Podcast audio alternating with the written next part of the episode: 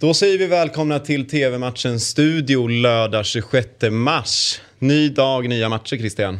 Mm. Eh, visst är det så. Eh, och spännande i hyfsad geografisk närhet till där jag bor dessutom. Exakt. Bara en sån sak.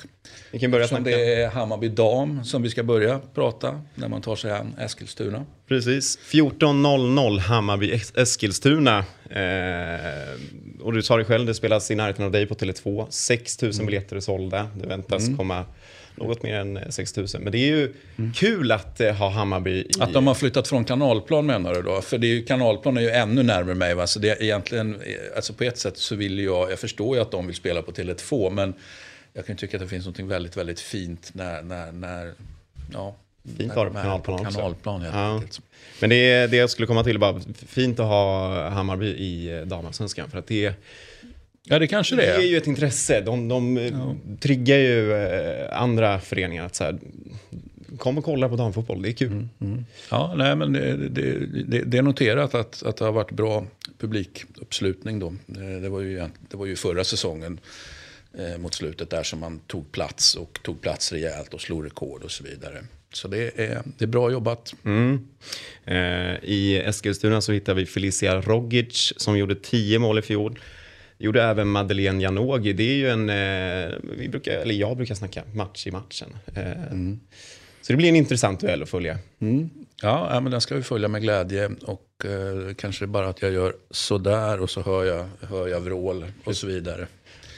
Janogy förresten, Ja. eh, och på tal om geografi, kommer från Falköping. Mm. Bra, bra ställe att komma ifrån. Ja, ja. En, en, eh, hon är från Skaraborg helt enkelt. Precis. Det gillar vi. Mm. Ja, det har, inte- har vi inget emot, nej. Nej. 14.00 startar matchen och ni ser den på TV6. Nu till mötet mellan Sporting Kansas mot Salt Lake i MLS. Och ni ser matchen på Simor. Det är toppen mot botten, Christian. Mm. Eh, och en sån gammal klassiker då att det ska bara kunna sluta på ett sätt. Eh, oftast gör det ju det och sen ibland så, så gör det inte det för att det finns, ja, Och med toppen men menar ju un- Sporting som ligger i toppen och Salt ja precis. Så att eh, eh, man med andra ord topplaget på hemmaplan. Så att eh, vi får väl se. De är ju- min ett take en, eh, på, på MLS är väl att man inte är så här liksom jätteduktiga på att parkera några bussar där direkt. Så att, eh, annars skulle man ju kunna tänka sig att ett bottenlag skulle kunna vara ett superduktigt gnetlag. Men det känner vi väl inte riktigt att det är här. Utan det, det blir hemmaseger. Eh, Kanske en del mål. Ja, kanske en del mål. Det, det, det, krävs ju mål för att komma till seger. Så det, där, det är helt rätt. Tackar. Ja.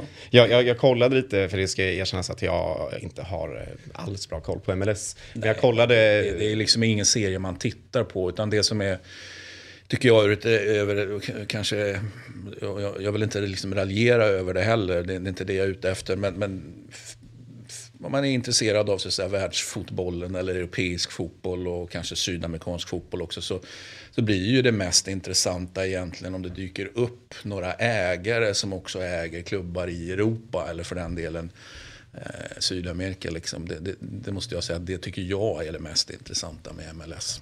Så nu har jag varit tillräckligt elak då. Men spelas ska det Precis. på andra sidan midnatt. Exakt. Matchen startar 01.00 och ni ser den på Simor. Det var, det var allt för idag. Det var det. Tack så jättemycket. Vi ses imorgon igen. Hej!